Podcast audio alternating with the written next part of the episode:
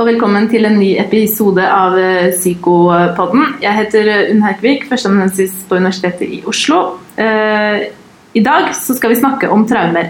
Og med meg til å gjøre det har jeg professor i barne- og ungdomspsykiatri og forskningsleder ved Nasjonalt kunnskapssenter om vold, traumatisk stress, Grete Dyb. Velkommen til deg. Tusen takk. Og Temaet i dag det er altså traumer. og Da skal vi snakke litt om traumelidelser og litt om eh, traumer som årsak til psykisk sykdom. Og litt, så skal vi mot slutten også gå litt inn på din egne spesifikke forskning om, eh, som har dreid seg mye om Utøya. Men aller først. Eh, når vi snakker om traumelidelser, eh, hva, hva innebærer det? Ja, det, det, handler om at veldig mange av oss blir utsatt for en eller annen hendelse i løpet av livet som kan være ganske skummel. Vi kan bli redde og oppleve mye symptomer i etterkant. Men uh, veldig mange av disse tingene vi opplever, de setter ikke spor etter seg. Noen sånne hendelser de setter mer spor etter seg enn andre. Og det er det dette handler om. Så posttraumatisk stress handler om at du har opplevd en hendelse hvor du har blitt veldig redd eller følt deg veldig trua du kan ha blitt skada, du har kanskje til og med vært i livsfare. I hvert fall så har det skjedd noe som har satt spor etter seg. Og de sporene de er de symptomene vi ser på posttraumatisk stress. Og Hva slags symptomer er det vi snakker om da? Jo, først og fremst så handler det om at denne hendelsen har gjort deg veldig oppbrakt. Det har satt i gang veldig mye prosesser i hjernen eh, fordi du har vært redd. Fordi du har følt deg trua på livet, eller du har tenkt at her kan du bli alvorlig skadd. Eller at din integritet, som vi sier, altså dine grenser for hvor, hvor andre skal nærme seg deg, de er blitt overtrådt. F.eks. seksuelle overgrep. Der er det jo ofte at man kanskje ikke er verken redd for at man skal bli skada eller, eller miste livet, men at andre har tatt seg inn på ditt territorium uten å spørre om lov. Så tatt seg til rette på din kropp. Det er også en type hendelse som kan, store, som kan gi deg store vansker etterpå. da. Så det er på en måte et øh, øh, bredt si, spekter av eh, hendelser ja. som kan ut, eh, utløse en type posttraumatisk stress. Og, og, det skal være en hendelse som har skjedd. Eh, en hendelse som du på en eller annen måte husker. Eh, og som du kan knytte disse symptomene til. Eh, til forskjell fra andre livsopplevelser som vi kan ha, som f.eks. å begynne på skolen, kan være en ganske stor utfordring for et barn.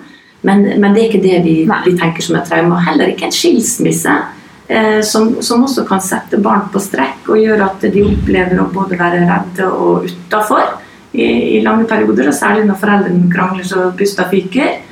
Men det er sjelden vi kategoriserer det som et traume, for da skal det vært en hendelse som setter spor etter seg på en annen måte. Ja, altså en ordentlig alvorlig hendelse. Ja, Du skal mm. føle deg trua, og du skal ha satt i gang reaksjoner. Mm. Og Ofte så ser vi jo at reaksjoner du har hatt i løpet av hendelsen eller rett etterpå, det har ganske stor betydning for hvordan du får det eh, i ukene, månedene og årene. Ja, ikke sant? for da er vi tilbake til det jeg spurte om. Hva er på en måte symptomene, hvis man skal kunne på en måte telle litt på fingrene på eh, en eh, posttraumatisk stresslidelse?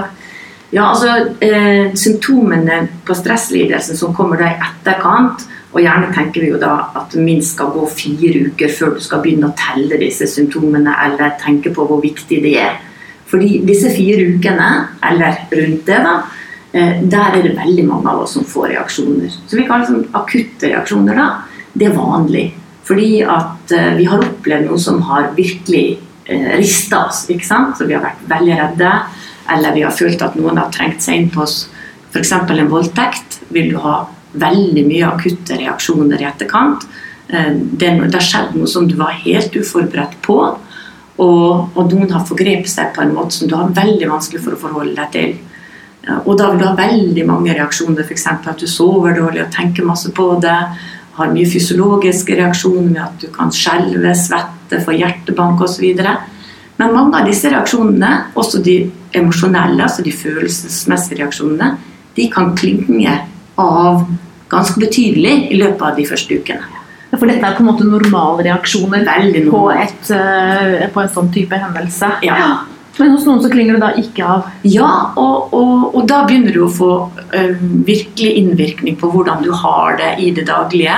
Og vi vet jo at når det står over tid, så får det innvirkning på funksjon, søvn, hva vi greier å gjøre, om vi greier å være sammen med andre mennesker, om vi greier å ta til oss kunnskap, om vi greier å utføre daglige aktiviteter osv. Og, og da begynner det å bli så mye symptomer at du trenger hjelp. Mm. Eh, ofte kanskje profesjonell hjelp, men i hvert fall trenger du hjelp fra noen til å håndtere det, slik at du får en bedre situasjon. Og det er jo da vi trenger diagnoser, når vi er i behov av hjelp. Ja. For diagnoser er jo bare en måte å kommunisere på for å si hva slags hjelp trenger du. Eh, og da vet vi jo at forskningen viser oss hva slags type hjelp vi trenger for forskjellige tilstander. Derfor trenger vi å vite hvilken tilstand du har. Eh, og Derfor har man satt sammen disse diagnosene da, og, og gruppert dem for posttraumatisk stress. Ikke sant. Og da har vi dette med posttraumatisk stress. Du har den utløsende hendelsen. Du har eh... Så har du gjenopplevelsen, som er på en måte kronsymptomet på PTSD. For hvis ikke du har opplevd en hendelse, eh, så er det ikke i denne kategorien diagnoser du skal tenke. Men har du opplevd en hendelse som stadig kommer tilbake, den invaderer deg nærmest. Og den kommer når du ikke vil det, og det er veldig ubehagelig. Og ofte så setter det i gang sånne fysiologiske reaksjoner som vi snakka om i stad Eh, skjelvinger, hjertebank, svetting, uro, muskelspenninger osv. Så, videre. Eh, så det er selve kronsymptomet.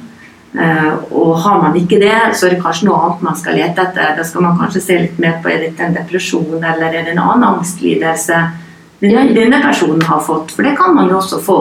Man trenger jo ikke å få PTSD etter en sånn hendelse. Det kan være andre ting som blir mer viktig å behandle. Ja, og da er det på en måte som du sier, viktig å få kalle det eh, det, det, det er, ja. for å kunne gi best mulig behandling. Men hva hvis man opplever en eh, type hendelse som kanskje ikke er så dramatisk, men får noe av de samme symptomene? Dette er som på en måte kalles tilpasningsforstyrrelser og akutte belastningslidelser. Mm. Hvordan skiller det seg fra PTSD? Ja, Det, det er et veldig godt spørsmål. Altså, Tilpasningsforstyrrelse det, man, det var vel kanskje en sånn type diagnose som man tok inn i systemet fordi veldig mange kan få reaksjoner på at man ikke greier å tilpasse seg nye livssituasjoner uten at det nødvendigvis ligger en, en sånn hendelse til grunn som vi tenker på rundt et traume. F.eks. det å starte på en ny skole. Eh, men man må ikke eh, bruke diagnosen tilpasningsforstyrrelse når det faktisk er en traumatisk hendelse som ligger til grunn. Og der har vel kanskje systemet vært litt for slepphendt med å sette en tilpasningsforstyrrelse når det egentlig er et traume som ligger bak. Og man må forsikre seg om at man faktisk har fått frem om man har vært utsatt for en traumatisk hendelse. Og der er man jo litt dårlig. Vi er jo litt redd for å spørre om disse tingene. Eh, og det er som om at eh, vi er litt redd for at vi skal påføre pasientene våre mer lidelse. Det er klart det er veldig vanskelig å påføre en pasient en lidelse eh, ved å spørre. Eh, som oftest opplever jo at de blir veldig glad for at du spør ting som har betydning for dem. Ja, for da, da, da, da tenker du på dette at man må spørre om det har vært en historie med et alvorlig hendelse, et overgrep, en situasjon hvor de har vært truet på livet. Ja. At man skal tørre å spørre om det. Og, og, hvis man ikke spør konkret, men går rundt grøten, så forstår jo ikke pasientene hva vi spør om. ikke sant? Og, og det, det, vi har en tendens til å tenke at vi setter i gang reaksjoner, og mange har hørt om retraumatisering og sånn. Og da skal man huske på det at pasienten hos oss må vi tenke sitter i en trygg, har en, en trygg situasjon. Vi er opptatt av at de skal oppleve at de er trygge sammen med oss, og det må vi selvfølgelig skape. Men hvis vi snakker om disse hendelsene vi har opplevd i en trygg ramme, så vil ikke det være retraumatiserende. For retraumatiserende det er det kun hvis man blir redd på nytt, eller man opplever andre hendelser som gjør en like redd. Vi vet at de som har vært utsatt for traumer før, har en tendens til å oppleve flere traumer. Det er det som egentlig er retraumatisering. Men det å være hos legen eller en annen behandler og bli spurt om det, det er ikke retraumatisering. Så, så, det er en sånn misforståelse ute i feltet der som vi kanskje bør plukke av oss. da. Og det er viktig at vi tør å spørre eh, for å få klart hva det dreier seg om. Og det er viktig også å si at her er det trygt å snakke om det, og vi har jo taushetsplikt. Og skulle ikke det være trygt å snakke hos en lege eller en psykiater, så er det vanskelig å tenke seg hva som skulle være tryggere enn det.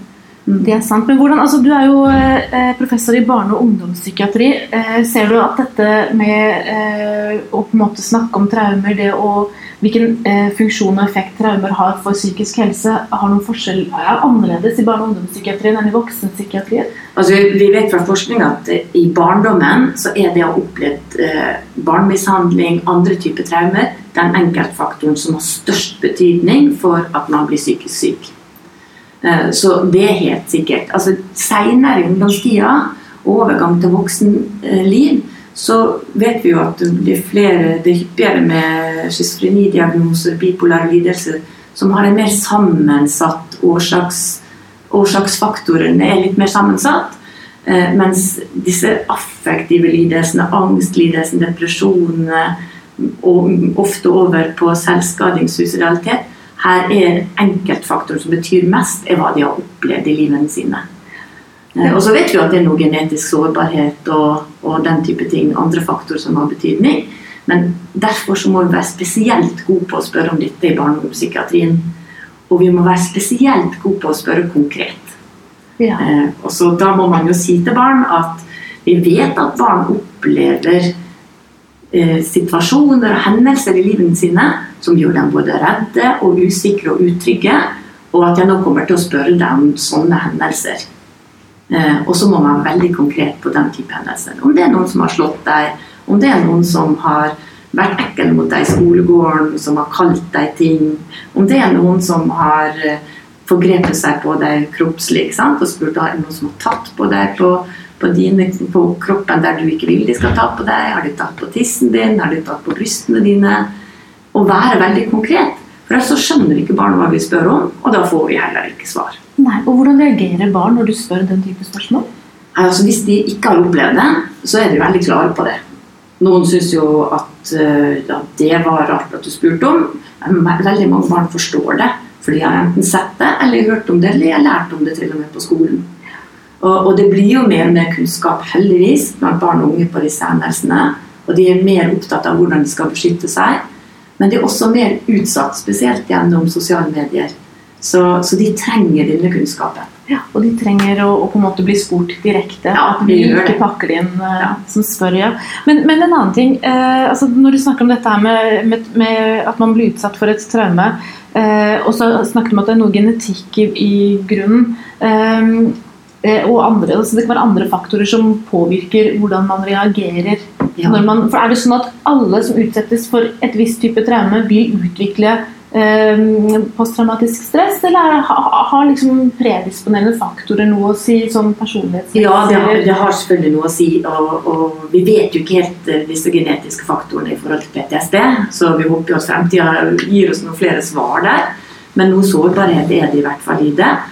Eh, og så er det jo det at eh, hvis barn opplever å, å leve i veldig utrygge omgivelser Vi vet jo sosiale faktorer spiller en rolle. Eh, men det spiller også en, en rolle hvilken type traumer de har opplevd. F.eks. naturkatastrofer. I, studier av naturkatastrofer så er det en ganske lav forekomst av PTSD. Mens voldsepisoder og seksuelle overgrep har en mye høyere risiko. Hvorfor er det sånn? Jo, det er nok det at det, vold og seksuelle overgrep er jo et traume som er retta mot deg. Det er en hendelse som er villa fra en annen person, og, og det invaderer kanskje på en måte som, som naturkatastrofer ikke har det potensialet til. Men så er det nok også det naturkatastrofer så er det store populasjoner som blir undersøkt. Og, og det kan være at en del av de som er med i de studiene, egentlig ikke har vært så veldig redde. Mens et traume som går direkte på din kropp, der vil du alltid oppleve at dette er ganske truende.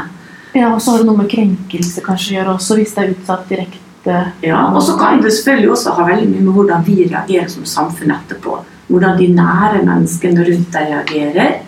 Eh, hvor mye de belaster deg med at du kunne passa bedre på deg sjøl, eller du, du burde sørge for at dette ikke skjedde, eller du burde ikke provosert faren din til å slå, f.eks., osv.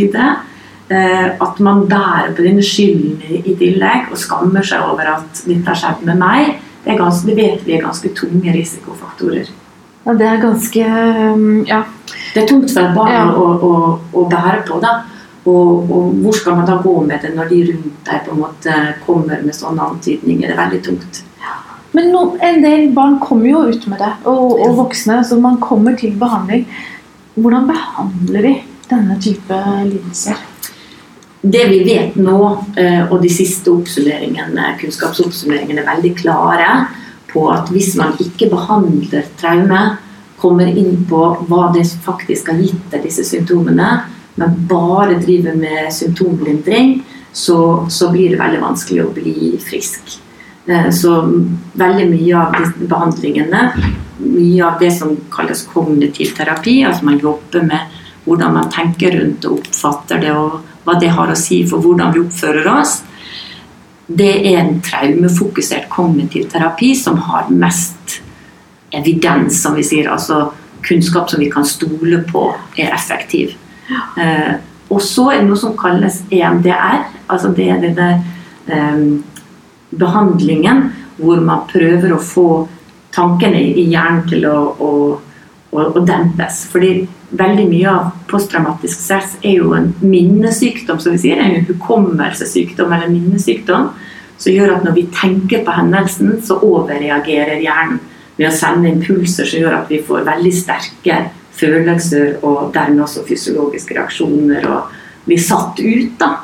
Og det For å dempe dette så, så har man også en behandling som gjør at man, man, tenker at det hjelper hjernen til å ikke reagerer så voldsomt. Og det er flere andre metoder som er under utprøving i forhold til det å hjelpe hjernen til å dempe disse reaksjonene når de dukker opp. Hvordan, hvordan gjør man det? Ja, det, det, er en sånn uh, type terapi hvor man får uh, pasienten til faktisk å, å, se på en sånn pendel som går frem og tilbake, eller gir hjernen en arbeidsoppgave da, mens man jobber med dette traumet. Så det man vet er at Hvis man ikke tar frem hendelsen og jobber med den, så er det veldig vanskelig å komme helt i mål. Mens traumefokusert kognitiv terapi jobber mer med narrativer og jobber gjennom hendelsen som via skrift eller ved å snakke om den. Eh, så, så på mange måter så, så, må hjernen få hjelp til å håndtere dette minnet på en bedre måte. Eh, da vil en del av symptomene forsvinne, men det handler jo også om å komme videre. Altså hvordan, hvordan kan du håndtere stresset når det oppstår? Eh, altså Hvordan skal du få dempe reaksjonene dine selv når de oppstår? Så man lærer så mye teknikker rundt det. da. Eh, så det, det, gjelder å komme ut av en behandling med masse verktøy for hvordan du selv skal håndtere utfordringene når de kommer. Og de kommer jo gjerne når du blir minnet om hendelsen. F.eks. Eh, så har jo du gått gjennom en sånn traumatisk hendelse med veldig mye eh, sans, Sanseapparatet ditt er veldig fokusert på hva som har skjedd. Så du har både lukt, og du har lyd, og du har det du har sett. Du har det du har følt på kroppen, med følelser. Eh, det kan være regn som faller ned, hvordan du opplever det. Og alt dette vil du møte da i ditt hverdagslige liv. Og når det kommer, så skal det bare være en hverdagslig hendelse. Det skal ikke være en del av traumet ditt. Så det er en jobb å gjøre. Ja, det er en ganske sånn omfattende eh, si, psykologisk type behandling. Ja. ja. Fordi sånn som jeg hører nå, så er det også da det primære i denne type behandling. At medisiner ikke er primærbehandlingen. men at det, Kan det ved noen tilfeller være indisert? Ja, og særlig for voksne. Men for barn og ungdom så, så det, har det vist veldig liten effekt. Eh, det er noe som tyder på at SSRI-ene, den type behandling, eh, det, det, kan man bruke særlig hos de eldre ungdommene. da, Og særlig der det er mye depressive symptomer inne i bildet. Vi ser jo at det er en, en stor overlapp mellom depresjon og PTSD. altså også en stor overlapp mellom PTSD og andre angstlidelser, som fobier f.eks. Det ligger litt i, i løypa her, fordi får man gjenopplevelser, så vil man unngå og da er vi tett opp til fobiene. Ja, og så ja, har vi disse fysiske ja. denne hyperaktiviseringen, altså arousalen i kroppen, som handler om at man ikke liksom får kalibrert kroppen ned på trygt eh, nivå. Så man helt inn går og er litt redd eh, og har spenning. Man skvetter lett og sover dårlig og blir irritabel. og alle disse eh, symptomer som tyder på at du, du ligger litt høyt på, på fysisk eh, rousel. Da. Og da kan det ha en eh, indikasjon med en SSRI? Ja. ja. Så, så, men Som tilleggsbehandling. Ja, det vil jo alltid være en tilleggsbehandling. Og det viktigste er nok at man, man forstår og lærer seg hvordan man skal møte disse hverdagslige overraskelsene man får når man blir minnet på det. Nettopp. Og du, eh, jeg sa jo at vi skulle komme liksom, eh, også inn på det som er ditt eh, egne forskningsfelt. Fordi Ja. du har jo jobba mye med Utøya. Eh, og overlevende etter de voldsomt traumatiske hendelsene Ja. som foregikk der. Mm. Eh, hva er det dere finner? Ja, vi har, vi har invitert de 490 overlevende eh, som var over 13 år i 2011. Og vi har undersøkt dem tre ganger. Vi snakka med dem i intervjuer. Og det er klart, dette var en ekstremt brutal hendelse. Og den varte over tid, og det var veldig mange som mista livet. Og denne type hendelser, en sånn terrorhandling, det, det kommer på den delen av skalaen som er veldig høy risiko for posttraumatisk stress og andre problemer. Vi hadde også en god del skadde som da fikk sine egne problemer i tillegg. Så det vi så var at de hadde et høyt nivå av posttraumatisk stress fire-fem måneder etterpå. Omtrent Halvparten av dem hadde et klinisk nivå. Som, som svarte til en posttraumatisk posttraumatisk Ja. Altså, Vi diagnostiserer dem jo ikke sånn veldig nøyaktig som vi gjør på et, eh, et legekontor eller en DPS, men, men de skjemaene vi brukte, viser at de lå over klinisk nivå nesten 50% av det. Eh, Og det, det var litt overraskende høyt. Eh, Men vi hadde jo også håpet at de hadde en god tilheling, for vi visste at de sa også at de hadde god sosial støtte. Det var jo igangsatt et nasjonalt program for å hjelpe de gjennom profesjonelle helsetjenester og sosialtjenester. Så vi hadde jo håp om at den tilhelingskurven skulle være ganske bra. Og vi så jo etter 14 måneder etter at rettssaken var ferdig, så, så var det en god tilheling hos en god del, men fortsatt mange som lå høyt. Og når vi så, så dem igjen etter nesten tre år, så så vi at den kurven hadde flata veldig ut. Så det er mye tilheling i løpet av det første året, men så kommer problemene etterpå for de som har en mer kronisk tilstand. Eh, Og det handler nok om at kravene i hverdagen øker på. Eh, Den håpet man hadde, har kanskje begynt å svinne litt. Eh, Hjelpetjenestene gir kanskje litt opp. Man faller kanskje til og med ut av hjelpeapparatet. Og man, man møter veldig mye krav i hverdagen. Dette er jo barn og ungdom i et utviklingsløp og et utdanningsløp med veldig stor krav hver eneste dag til konsentrasjon, til det å være sammen med andre mennesker, til det å føle seg trygg. Og det er det å gjenvinne tryggheten som er det vanskeligste. Ja, og du sa jo også noe om det som eh, Altså beskyttende faktorer og ting som er gode, som på en måte er utenfor det som vi kan gjøre på legekontoret, som handler om sosial støtte, Ja. som handler om eh, eh, Ja, eh, vil du si noe mer om betydningen av det? Er det sånn at de som på en måte klarer seg bra, er de som har hatt god sosial støtte? Ja, det altså vi vet i alle studier viser at de som har god sosial støtte og greier å gjøre seg eh, bruk av den eh, For det, det krever jo også at du kan ta det i bruk. For hvis ikke det, så hjelper det ikke.